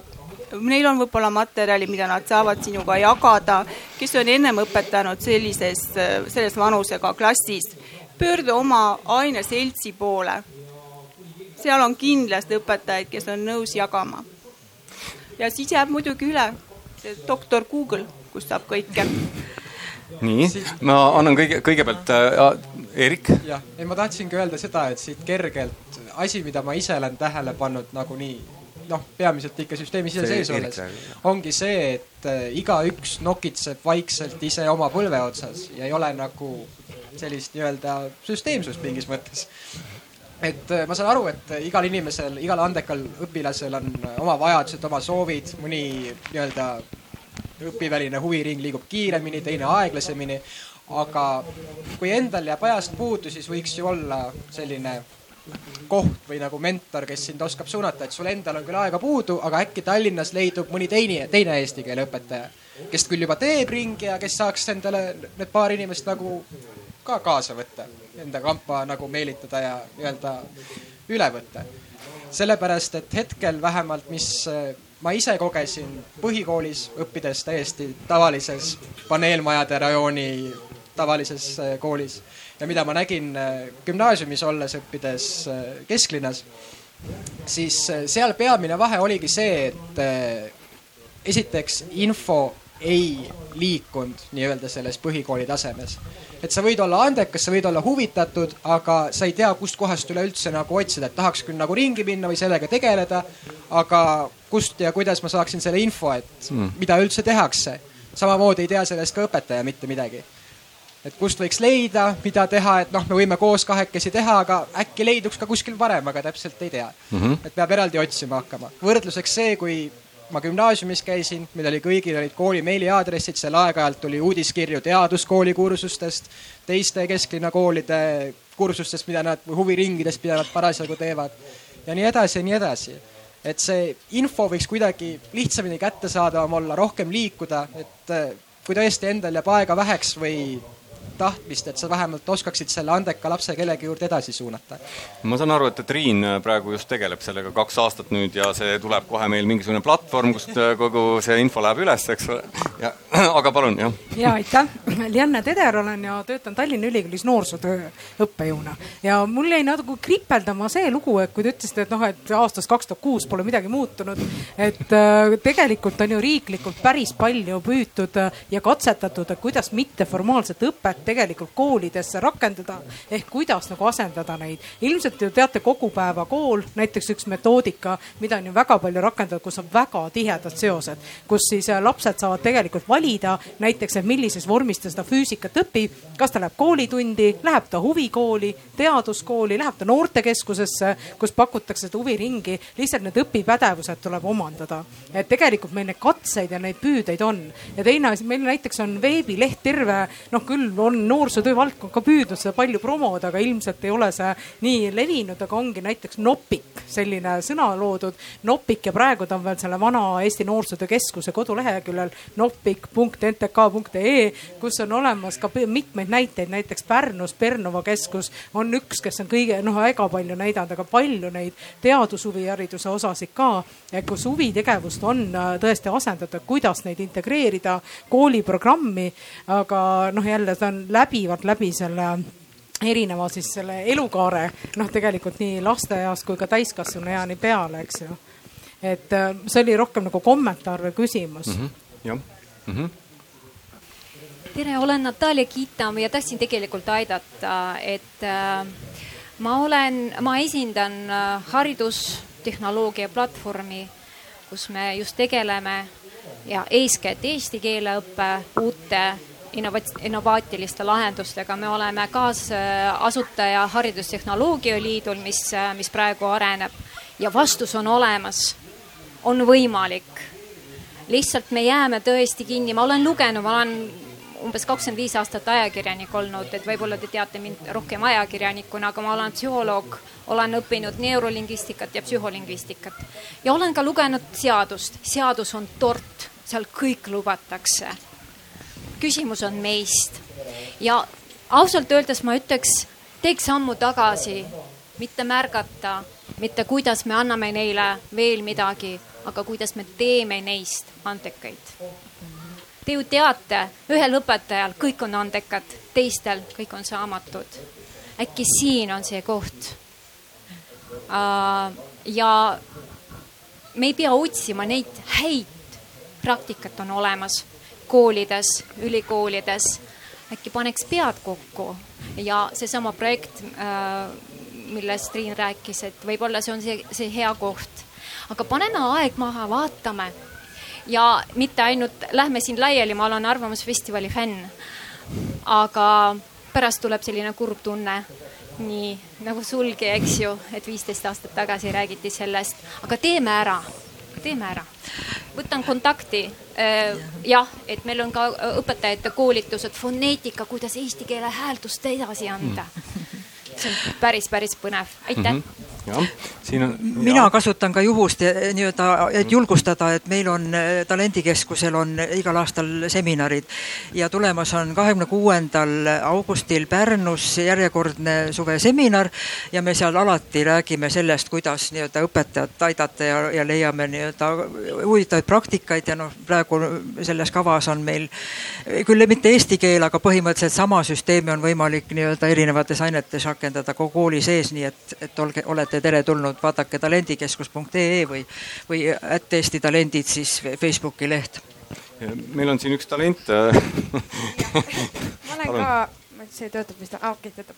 Äh, ma olen ka eesti keele kirjandusõpetaja ja ka alustav ja esimest aastat ja Facebookis on selline grupp äh, nagu Esta õpsid. kas sa oled seal? ei ole, okei okay., et siis ma soovitan selle üles otsida, see on äh, suhteliselt ebapopulaarne, tegelikult seal on sada seitsekümmend kuus õpetajat. et ma ei tea, kas Eestis on sada seitsekümmend kuus, tegelikult on see isegi suur, suur arv vist, aga seal on päris palju, mina otsisin ka abi äh, kolleegidelt ja igalt poolt oma kursakaaslastelt. Ja siis erinevatest kohtadest tulidki, et äh, koostöövõimalused, et äh, suhtledki Messengeris äh, kogu aeg ja jagate oma materjale ja kontrolltöid ja siis ongi lihtsam, sest minu esimene pool aastat õpetajana oli väga-väga raske ja siis ma otsisingi abi ja koos koostööd tehes on palju kergem, et ei peagi olema üksi. aga see andekate õpilaste, see on noore õpetajana, alustava õpetajana väga raske, sest sa tahad äh, väga, sa tahad väga kõike teha ja sa ei oska veel. aga seda motivatsiooni on nii palju, et tahaks, aga kahjuks jah, et tundub, et see on nii võimatu kuidagi. Ähm, mul tuleb meelde üks äh, selline, toon siia väikese nii-öelda nagu äh, Äh, sellise, ma vaatasin ühte Teedi äh, videot ja seal oli äh, nii-öelda üks äh, India mees rääkis sellisest äh, asjast, et nii-öelda nagu äh, läksid India külla, suvalisse mingisugusesse vaesesse külla ja siis pandi sinna seina peale üks selline nagu arvuti ja, ja, lapsed toodi sinna, näidati ära põhimõtteliselt, et noh, siin on enter ja siit saate nii-öelda hiirt liigutada ja siit mingi mäng, eks ole, mida nad pidid mängima seal. ja siis nad hakkasid õppima. ilma selleta, et keegi oleks noh, mingi õpetaja nagu vahele seganud mingisuguse protsessiga või et, et noh, tehke niimoodi, pange näpp sinna, no mingid ise uurisid. ja põhimõtteliselt neil oli vaja seal mingisugust nii-öelda nagu äh, raketi mingisugust osa nii-öelda nagu inglise keel, noh, ühesõnaga, et, et selle mängu juures oli mingisugune asi ja nad tegid selle kõik endale vapustavalt selgeks. Need äm, tulemused olid täiesti hämmastavad, mis seal nagu sai, et, et kuidas lapsed omavahel, nooremad õpetasid vanemaid, vanemad õpetasid nooremaid, eks ole, mis seal äh, nii-öelda nagu suurepärased tulemused. siis lisati sinna natukese aja pärast mingisugune teine komponent, et üks inglise vana memm äh, hakkas neile ütlema siis iganädalaselt nii-öelda nagu, et, et oi kui tublid te olete. Te olete nii ägedad, te olete maailma parimad ja targimad õpilased ja need tulemused nagu kasvasid nagu noh, hüppeliselt kohe nagu, nagu üles, eks ole. ja minu noh, ühesõnaga et mida noh, ühesõnaga õpetajana, et mida me nagu, nagu teeme, eks ole, et, et noh, et, et me vastutame kõikide asjade eest, eks ole, ja proovime nii-öelda nagu kõike teha, aga et, et võib-olla me peaksime laskma neil lilledel ka kasvada ise nii-öelda, et looma lihtsalt seda ruumi, eks ole, et nad saaksid seal teha, et, et mitte jääma ette nii-öelda selles suhtes sellele äh, mitte võtma maha motivatsiooni ja vaid lisama pigem seda uudishimu ja seda optimismi, et, et tegelikult on kõik hästi. minu küsimus teile selles suhtes, selle, selles kontekstis on see, et, et noh, me oleme seda nii-öelda hetkeolukorda nüüd natukene kaardistanud, vaadanud neid probleeme veidikese erinevate külgede alt mis võiks olla, ma ei tea, mingisugune kümne, kahekümne aasta perspektiivis, me teeme arengukavasid kolme kuni viie aasta perspektiivis, aga vaatame näiteks, et noh, milline see nagu, nagu meie haridussüsteem ja, ja andekate toetamine ja, ja, ja nende ülesleidmine või et milline see võiks olla nii-öelda äh, mingi kümne või kahekümne aasta perspektiivis, me ei jõua kohe sinna, me ei saa kohe kõike teha, aga et, et kuhu me üldse nii-öelda nagu samme seame, missugune see visioon meil on, mida me tahame, et, et meie Eesti haridussüsteem hakkaks tegema üldse? mis asi see on nii-öelda? palun mõtleme koos. ma, ehm, ma tahaks eh, sellele küsimusele ka vastata ja ühtlasi ma siin sain inspiratsiooni sellest, kuidas näed, inimene, eks ole, küsib ja siis noh, koha peal juba tuleb mitu noh, ühesõnaga sellist eh, niidi otsa, kust arutama hakata, nii et ma täiesti häbenemata ütlen, et kui siin eh, keegi selle teemaga kuidagi haakub, siis räägime pärast juttu. ja, ja ühtlasi noh, see, et, et või, tekitaks ruumi, kus inimesed saaksid ise õppida niimoodi ühesõnaga ehm, minu unistus oleks see, et kümne või kahekümne aasta perspektiivis võiks sellist asja olla juba, isegi kui tore oleks igas Eesti maakonna linnas, ehm, loodusteaduste mõttes oleks õppelabor. Ehm, ma tean, et osal koolidest on ja ma tean, et mõnel pool juba, eks ole, tegutsevad ka näiteks Väike-Maarjas, näiteks Põlvas, näiteks seal äh, on see Mulgi Tehnoloogiakeskus, ma ei mäletagi, kas see on Abjas või, või Karksi-Nuias. Eh, sellised kohad, kus õpilased saavad tulla gruppidena teha praktilisi töid eh, aga neid on veel esialgu vähe ja need on sellised, sageli nad on siuksed projektipõhised. et no ja meil on rahastus kolmeks aastaks või viieks aastaks ja siis ei tea, mis saab. nii ja siis eh, ma ütleks, et sageli on ka see efekt, mis Eestis kipub olema, et, et leitakse raha, leitakse vahendid, tehakse need ruumid, tehakse midagi väga ägedat ja siis selgub, et ei ole inimest sinna tööle võtta. seepärast selle jaoks enam väga raha ei ole või, või ei ole seda läbi mõeldud, kuidas see inimene, et kas tal on täistööaeg, kas, kas ta jaksab seda tööd teha, kui palju, noh. ühesõnaga eh, mina mõtlesin selle kõige üle enne, kui ma nüüd sattusin tagasi Taibukate teaduskooli, sest ma vahepeal olin sealt eemal ja, ja siis ma rääkisin seda Viljandi linnas ja, ja, ja ühesõnaga mitmete koolide inimestega, et tahaks sellist asja Viljandisse teha. Ja siis kahjuks tuli koroona, mille peale ma olen ülimalt tige, seepärast et see segab tohutult selliseid, selliseid eh, projekte, noh, ainult nina jõuad vee peal hoida, eks ole, arendustegevuseks ei jää üldse aega nagu.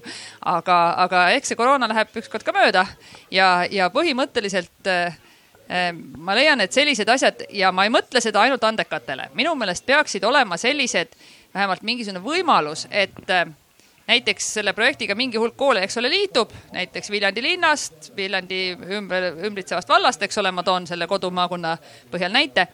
ja, ja siis on graafiku alusel võimalik minna ja teha seal bioloogia praktikumi, äh, keemia praktikumi, füüsika praktikumi.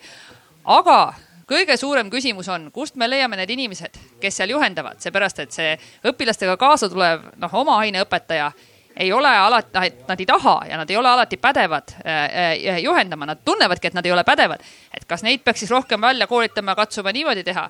kuidas see labor, noh, eks ole, laboril peab olema praktiline labori pealik, laborant nii-öelda ja samas peab olema pedagoogi oskustega juhendaja ja ei ole vist väga siukseid imeinimesi, kes suudaksid juhendada korraga füüsikat, keemiat ja bioloogiat et noh, ühesõnaga, et, et, et see on mul lihtsalt selline unistus, mida ma siin õhku viskan ja kui kellelgi on tunne, et ta tahaks, ma ei tea, kümne aasta perspektiivis äh, näiteks juhendada õpilasi praktiliselt kuskil Viljandimaa kandis, siis palun tulge otsige mind pärast üles näed, töö on juba ootamas, eks ole, et ma saan aru, et siin on andekaid palju, kuulsite kõik, eks ole, Viljandis töö ootab. täiskohaga absoluutselt, see oleks. nii-öelda. ei, ei, ei, üks neist aga, aga ei, aga see peakski olema, väga oluline on see, et see oleks jätkuv, see oleks täiskohaga, et see oleks, et see oleks, motiveeriks ka inimest sinna tulema, mitte nii, et oi, meil on kolmeks aastaks projekti raha ja edasi ei tea ma, kui sobib, siis ma haaran siit selles mõttes äh, mõttejärgu üle, sest me oleme mitu aastat tegelenud sellega, et oleks võimalik ka Tallinna Reaalkooli juurde luua loodusteadusliku hariduse kompetentsikeskus ja seesama ja ütleme, seal mudelis oleks see ikkagi ka selliste koostöökoolide võrgustik, sellepärast et nende laborite puhul pahatihti juhtub see, et, et kui see on lihtsalt olemas, aga ei ole neid koostöösuhteid koolide ja õpetajatega, siis tegelikult see asi niimoodi tööle ei lähe.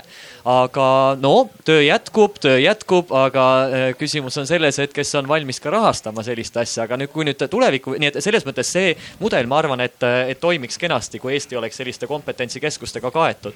aga kui nüüd selle suure visiooni juurde tulla, et siis ma tegelikult ütleks seda, et asi võiks alata sellest, et pool, suurusjärk pool alustavatest õpetajatest ei loobuks oma tööst vaid et nad jääksid kooli, aga selle jaoks peab olema meie arusaam õpetaja tööst ja tööajast teistsugune, kui ta on täna.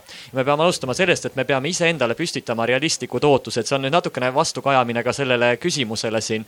et me peame aru saama sellest, mida me, mida meil on üldse võimalik nende ressursside piires teha, oma ajaga ise jääda terveks. et tegelikult see andekate märkamine ilma selleta, et meil on õpetaja, kes on ise rahul oma tööga, oma töötingimustega, ta tunneb, et ta edeneb, et tal on olemas aega pühenduda ja mõelda oma õpilaste peale. ilma selleta me ei märka neid andekaid, nii et tegelikult, kui me räägime ainuüksi kooli tasandist, siis see muutus peab äh, olema see, et, et õpetaja tööaja arvestus ja ka ressursside arvestus peab olema hoopis teistsugune. mul ei ole võimalik, et ma õpetan klassi ees kakskümmend üks tundi ja siis mul on viisteist tundi, et tegeleda kogu aruandluse, administratsiooni, bürokraatia, kõige muuga ja selle raames veel ka kõiki äh, järele aidata, individuaalselt toetada ja ma saan suure osa asjadest teha ära tunnis, aga kuskil peab olema ka minu metoodilise enesetäiendusaeg. seega see visioon peaks olema see, et meil on koolides õpetajad, kellel on punkt üks väga hea metoodiline ettevalmistus selles osas, kuidas andekaid märgata, kuidas neid toetada, kellel on olemas punkt kaks tööriistakast Äh, see tähendab seda, et tal on diferentseeritud ülesanded.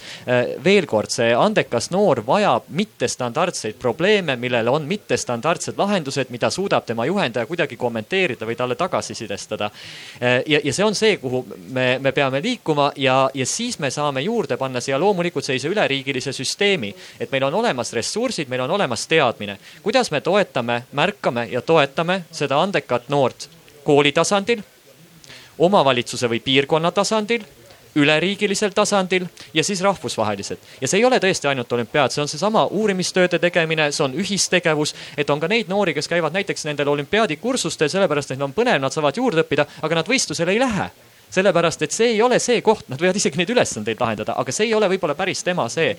et, et me vajame sellist kooli nii-öelda õpetaja aja ja, ja ka temale seatud ootuste äh, määratlemist selliselt, et need on inimlikud, et need on realistlikud ja siis, et kasutada ära kõiki neid tänapäevaseid äh, e-õppevaralisi lahendusi. et selle andeka noore jaoks ei ole loomulikult äh, ainupiisav see, et on kuskil mingi e-kursus aga selline sidusus praktiliste tööde, tegevuste, õppekäikude, võistluste ja äh, e-toe äh, osas, et see peaks olema ja siin on meil ka hästi häid näiteid, sest ka Tallinna Tehnikaülikoolis on tegelikult kooliõpilaste keskus, kes pakub Tallinna ja, ja lähiringkondade äh, õpilastele olümpiaadi ettevalmistuskursuseid ja seda me tegime ka siis, kui me ei saanud kokku tulla, ehk tegime neid arvuti teel, et, et see sinna, see sinna juurde, jah mm. -hmm Riin, mis see, mis see riik äh, nagu, et, et ma saan aru, et, et kaks aastat oled sa nüüd äh, ametis, äh, tood selle projekti siia, aga et, et äh, siis lähed äh, ülikooli tagasi tööle või või, või tuleb äh, riiklik rahastus kümme, kümme aastat ikka nagu, et kümne, kümne aasta perspektiivis, kuhu sa jõuad,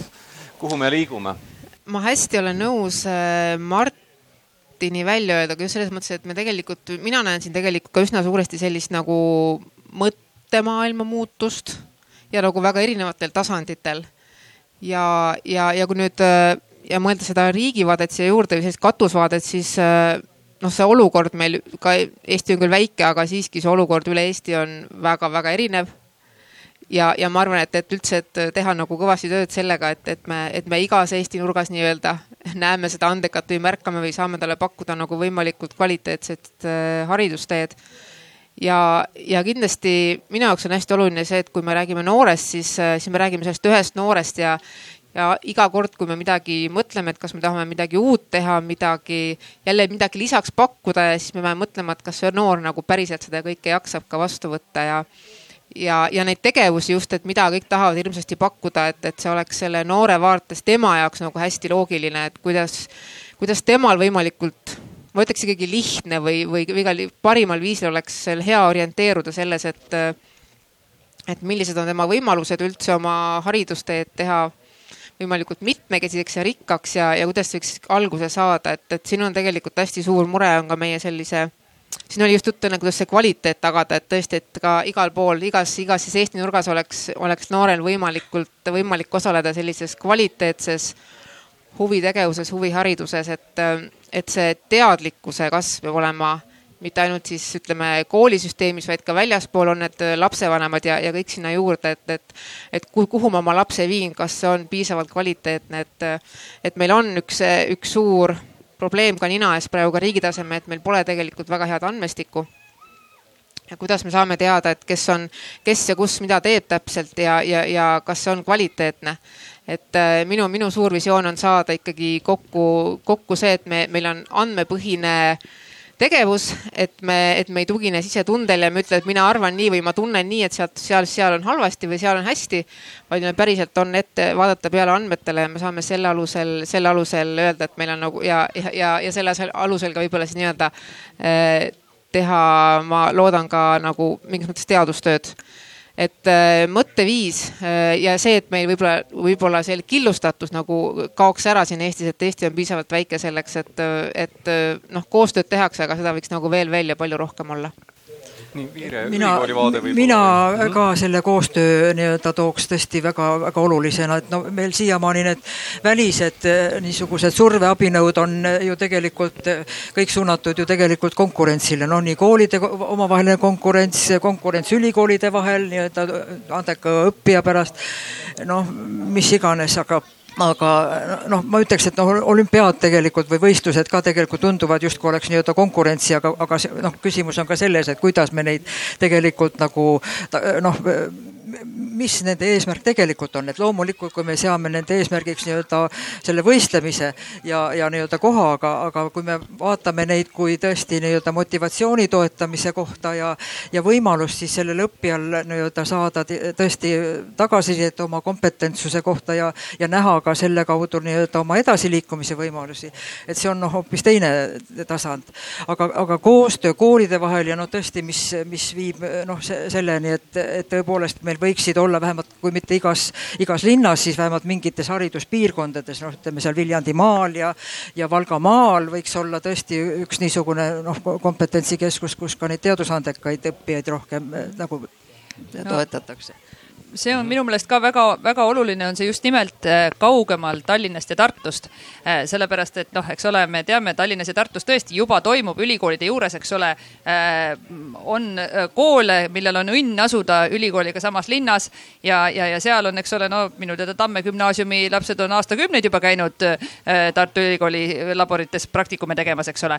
aga kõigil koolidel ei ole nii õnnelikku paigutust ja, ja tõesti, ma olen ise näinud noh, sellist tõsist noh, kvaliteeti kvaliteedivahet, et kas sa oled Tartus või sa oled Tarvastus. ja, ja, ja, siis noh, näiteks äh, geneetika õppepäevad, mida me algatasime või noh, mina algatasin kaks tuhat kolmteist vist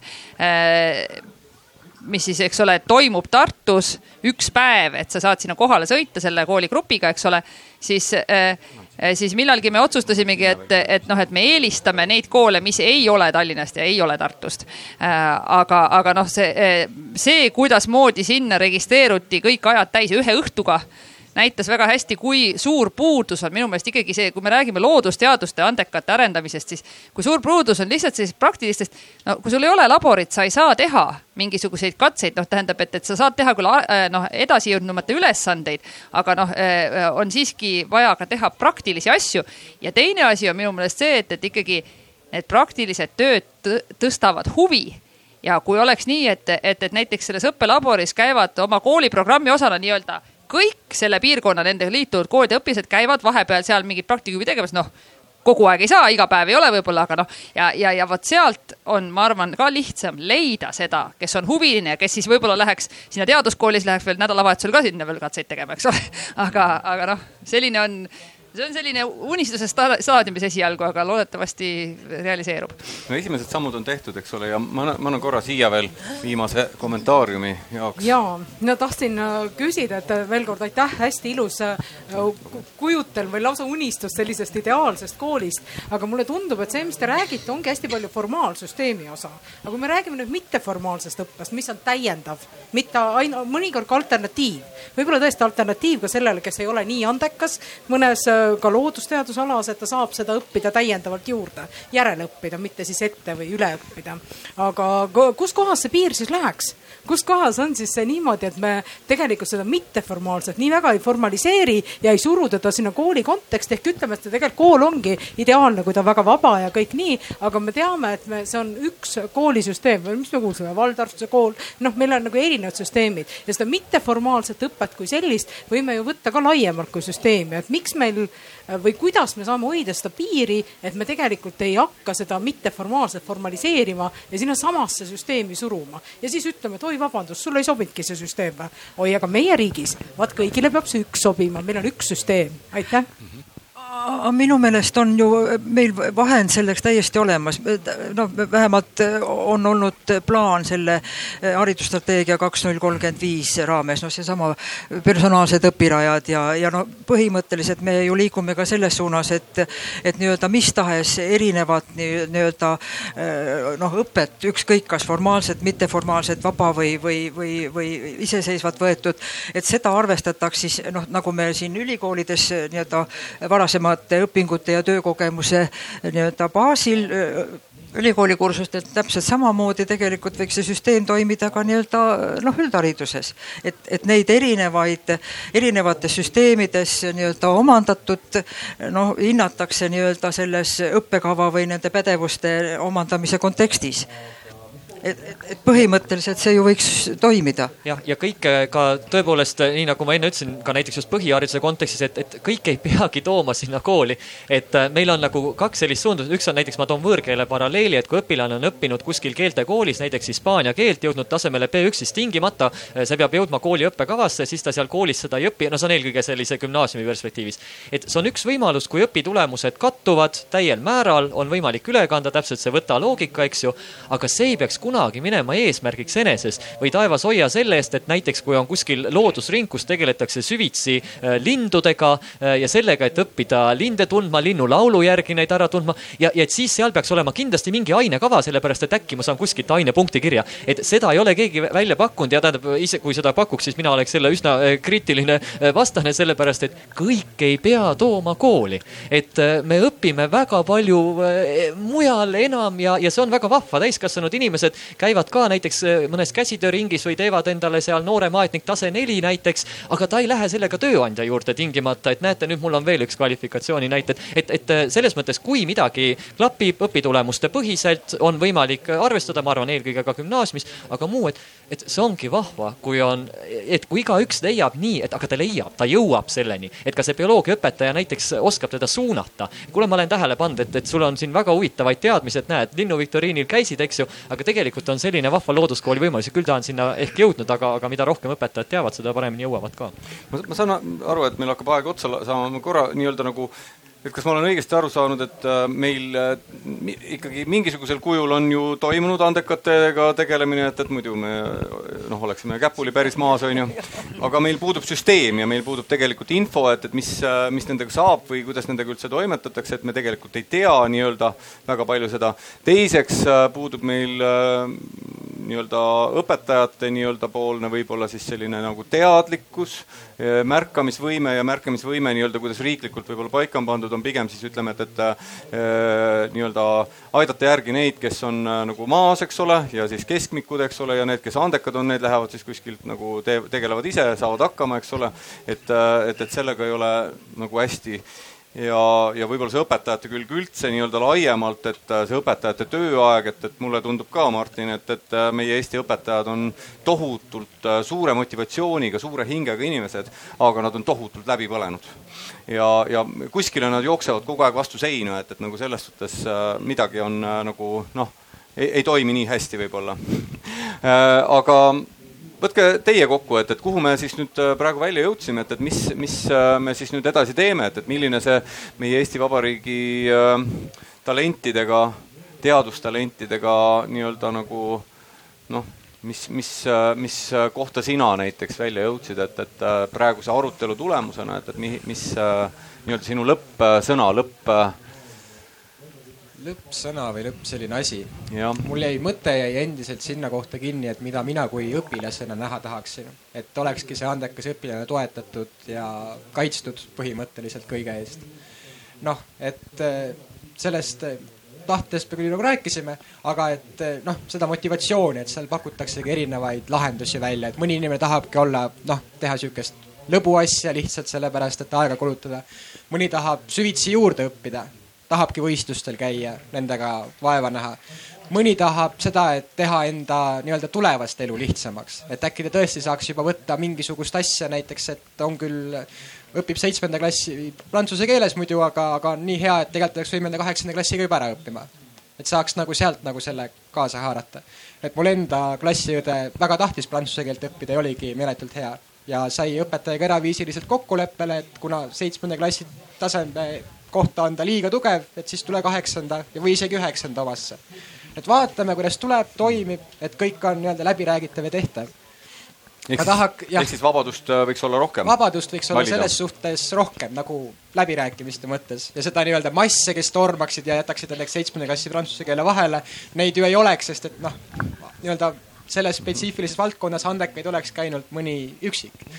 ma tahaksin mingil määral näha ka seda, et äh, juhul, kui seda andekat õpilast on nii-öelda neetud õpetajaga, kes ei ole nõus tema andekust märkama, talle neid lisaülesandeid promoma, neid äh, edasi suunama, siis esiteks, et teda toetaks juba hetkel kooli õppekava, et seal olekski õpikus sees nii-öelda tärniülesanne, midagi raskemat, äh, nii-öelda nagu tuumakamat.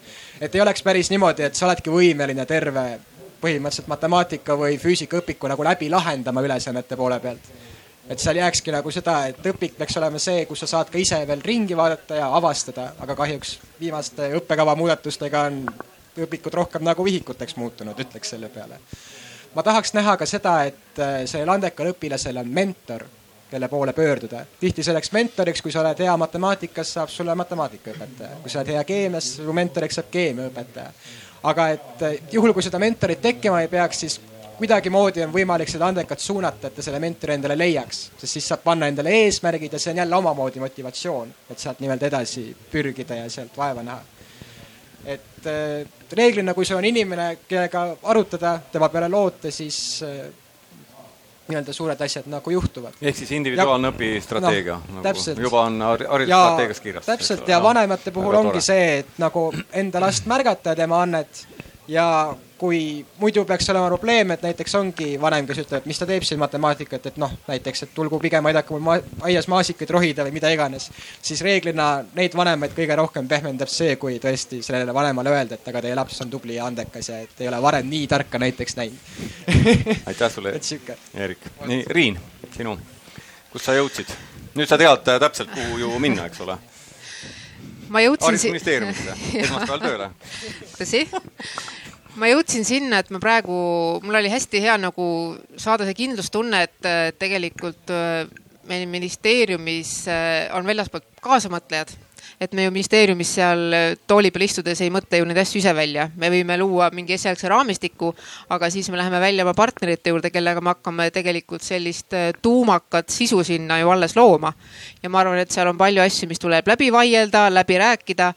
Ja, ja kindlasti need ühed partnerid istuvad, istuvad praegu siin, siin viiel toolil mul ümberringi, et, et mõtteid on palju. Ja, ja pigem ka, et, et eesmärk on see, et me ei, me ei kirjuta seda kuidagi et see vabadus jääb, et ka nii õpetaja kui õpilase jaoks, et me ei kirjuta kuidagi mingeid asju väga kinni, vaid pigem nagu püüaks seda tasakaalu leida, et kõigil oleks selles süsteemis, saaksid ennast tunda mugavalt. ja, ja kindlasti on minu suur uskumus see, et, et kui meil on väga tuumakas sisu, siis, äh, siis me suudame selleks ka nii-öelda ka rahalist ressurssi leida, et, et äh, minu jaoks oluline ongi see, et me saame nagu väga hea sisu kõigepealt ja siis, äh, siis me loomulikult eelarvestame selle ära ka, et, et et mina praegu küll usun sellesse, mis ma teen, sest ma näen, et meil on väljaspoolt väga-väga head ja tugevad partnerid olemas. mul on ka hea meel, et sa oled seal. nii, Mari, lõpp sõna. Ehm, ja ehm, minul on lihtsam töö kui sul, Riin, et, et sina pead parandama Eesti suurust tükki maailmast, minul on ainult ütleme seal Viljandimaa ja, ja ütleme ainult väike osa sellest, eks ole. Ehm, aga, aga noh, ühesõnaga, et, et ütleme nii, et selle tänase aruteluga ma sain niimoodi see, see turgutab, see tõstab endal motivatsiooni, meil kõigil ma arvan, peaaegu kõigil meist on, on, on selle üldise koroona isolatsiooni, masenduse, selle kõigega, noh, motivatsioon läheb alla, mitte ainult õpilasel, ka nendel tublidel õpilastel läheb, vaid, vaid ka õpetajal. et noh, et, et on väga turgutav toredate intelligentsete inimestega vestelda ja jõuda järeldusele, et nad noh, ühesõnaga, et, et su oma mõtted võib-olla ei ole väga metsa poole ja et, et siis vaikselt niimoodi nagu selle oma, oma äh, maailma nurgakesega edasi tegeleda, et, et ühesõnaga äh, võib-olla nüüd siin kohe seoses igasuguste koroonapiirangutega kohe ei saa, aga vaikselt tuleb tegeleda sellega, et et tõsta sellist loodusteaduslikku praktilise hariduse võimekust, alustades Viljandimaast minu puhul. Muidugi, muidugi Viljandimaast. aitäh, Mari, Liira mina olen ka lootusrikas, et mulle tundub ka, et meie nii-öelda haridussüsteem või ütleme ka üldharidus nii-öelda avab järjest rohkem uksi nii-öelda nii lapsevanematele, partneritele väljaspool nii-öelda haridussüsteemi. noh, seesama mitteformaal ja, ja vabahariduse nii-öelda lubamine ka, ka kooliseinte vahele ja, ja noh, tõesti, eks me jõudumööda püüame ikkagi seda teadlikkust, no seesama Eesti Talendikeskus selleks ju sai loodud, et me, et me saame nii-öelda targemaks kõik ja et me võimaldame või saame võimaluse koos arutada nende teemade üle.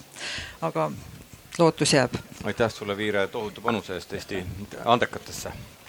Martin nii, kaks äh, mõtet siia lõppu. esimene on see, et ähm, me väga palju ei jõudnud täna rääkida sellest, et need andekad noored, me rääkisime sellest, kuidas me saame neid äh, toetada ja, ja edendada selles osas, kus on neil see andekus. Äh, sageli on andekal noorel ka muresid ja ta ei pruugi olla andekas igas valdkonnas ja tal võivad olla ka lähtuvalt tema iseloomust ja lähenemistest, maailmavaatest probleemid ja probleemid võib-olla mõnes teises valdkonnas, mõne teise õppeainega või ka sisemised kahtlused, kõhklused mõnikord selline konfliktsem võib-olla natuur ühes või teises situatsioonis, et, et tegelikult on oluline asjatundlikult ja empaatiliselt äh, ka selliseid probleeme lahendada ja maandada ja ma arvan, et see muutub, mida rohkem me räägime individuaalsusest ja individuaalsetest õpiradadest, seda oluse, olulisemaks muutub ka see, et see andeka toetamine ei ole ainult mitte talle nii-öelda materjalide ja sellise äh, edasimineku, vaid ka sellise nagu turvatunde pakkumine ja see nõuab sageli sellist äh, tasakaalupunkti otsimist, et ühelt poolt on kinni peetud sellest, mis on meie õppekava eeldused ja ootused, need, mis on ootused ühele haritud inimesele ja teiselt poolt, et äh,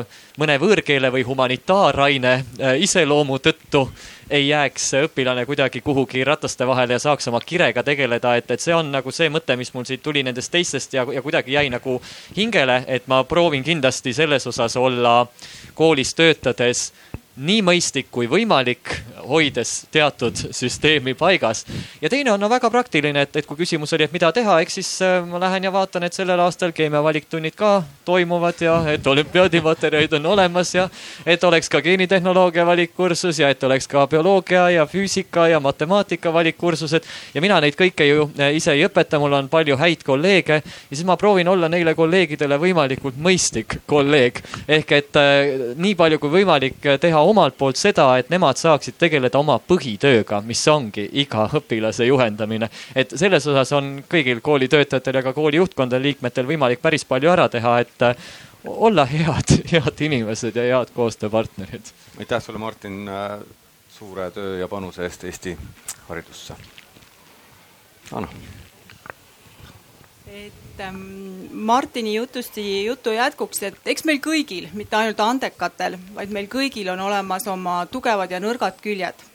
ja me kõik vajame head sõna ja toetust, nii ka andekad.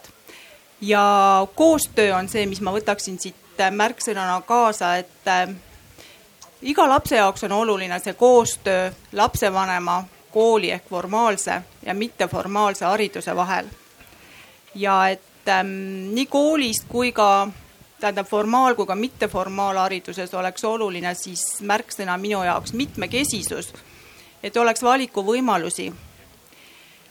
ja ma võin julgelt väita, et Tartu Ülikooli Teaduskool pakub äh, kvaliteetset äh, teaduspõhist huviharidust ja see on, äh, ta pakub seda üle Eesti ja on kättesaadav kõikidele Eesti õpilastele. ja teaduskool on jõudnud nii kaugele tänu Viirele ja Riinule, kes on siis olnud äh, selle asutuse ja tänu Annale. pikaajalised juhid. mina alles alustan, loodan no,, loodan, et jätkub kvaliteetne töö ähm ma lõpetan selle, selle tänase sellise arutelu sellise väikese lühilooga. nagu alustasin looga, siis ma lõpetan looga, sest mina olen eesti keele õpetaja. ja ma, ma ei tea, matemaatikas mul väga hästi ei läinud ja teised keemia ja füüsika, noh, ei olnud ka nii head. Aga lugusid võin ma rääkida lõputult ja see lugu on selline. Eestis elab umbes üks koma kolm miljonit ägedat eestimaalast. ja siin on äh,, tehakse selline nagu üleskutse, et, et kuulge kõik, et äh, tulge nagu me tublid ja töökad ja targad äh, ja andekad oleme. et siin on selline üleskutse, et, et meil on vaja joosta maraton ja tõmmatakse keset siia Paidet äh, maha see maratonijoon ja kõik äh, lähevad sinna taha, olenemata sellest, kas nad on haiged, terved, harjutanud seda maratonijooksu või mitte. kõik lähevad sinna nii-öelda nagu taha ja siis lastakse stardipauk lahti, kolm, kaks, üks ja kõige esimesed, Katrina Lehis paneb seal juba ajama ja kõik noh, teised olümpiavõitjad on seal eespool, onju. ja siis kõik need, kes on haiged ja kes ei ole harjutanud väga palju, need surevad ära kukuvad maha ja niimoodi see asi läheb. ja kümme meetrit jääb äh, nii-öelda nagu lõpuni veel minna. Ja viis viimast ägedat, äh, kõige ägedamat eestimaalast, seal on, ma ei tea, võib-olla, võib-olla mingid väga-väga tublid sportlased on seal ees. Äh, kümnendal meetril kukub see viies, kaheksandal neljas, viiendal meetril kukub kolmas. Äh, eelviimasel meetril kukub äh, eelviimane eestimaalane äge maha surnult ja üks astub üle joone, ütleb oh, oh, oh, mina võitsin selle ja taga nii-öelda noh, on selline surnute meri. kui võtta seda otse, on ju, et, et siis nagu päris kole lugu, et, et see koroona on meid kõiki ära hirmutanud, on ju.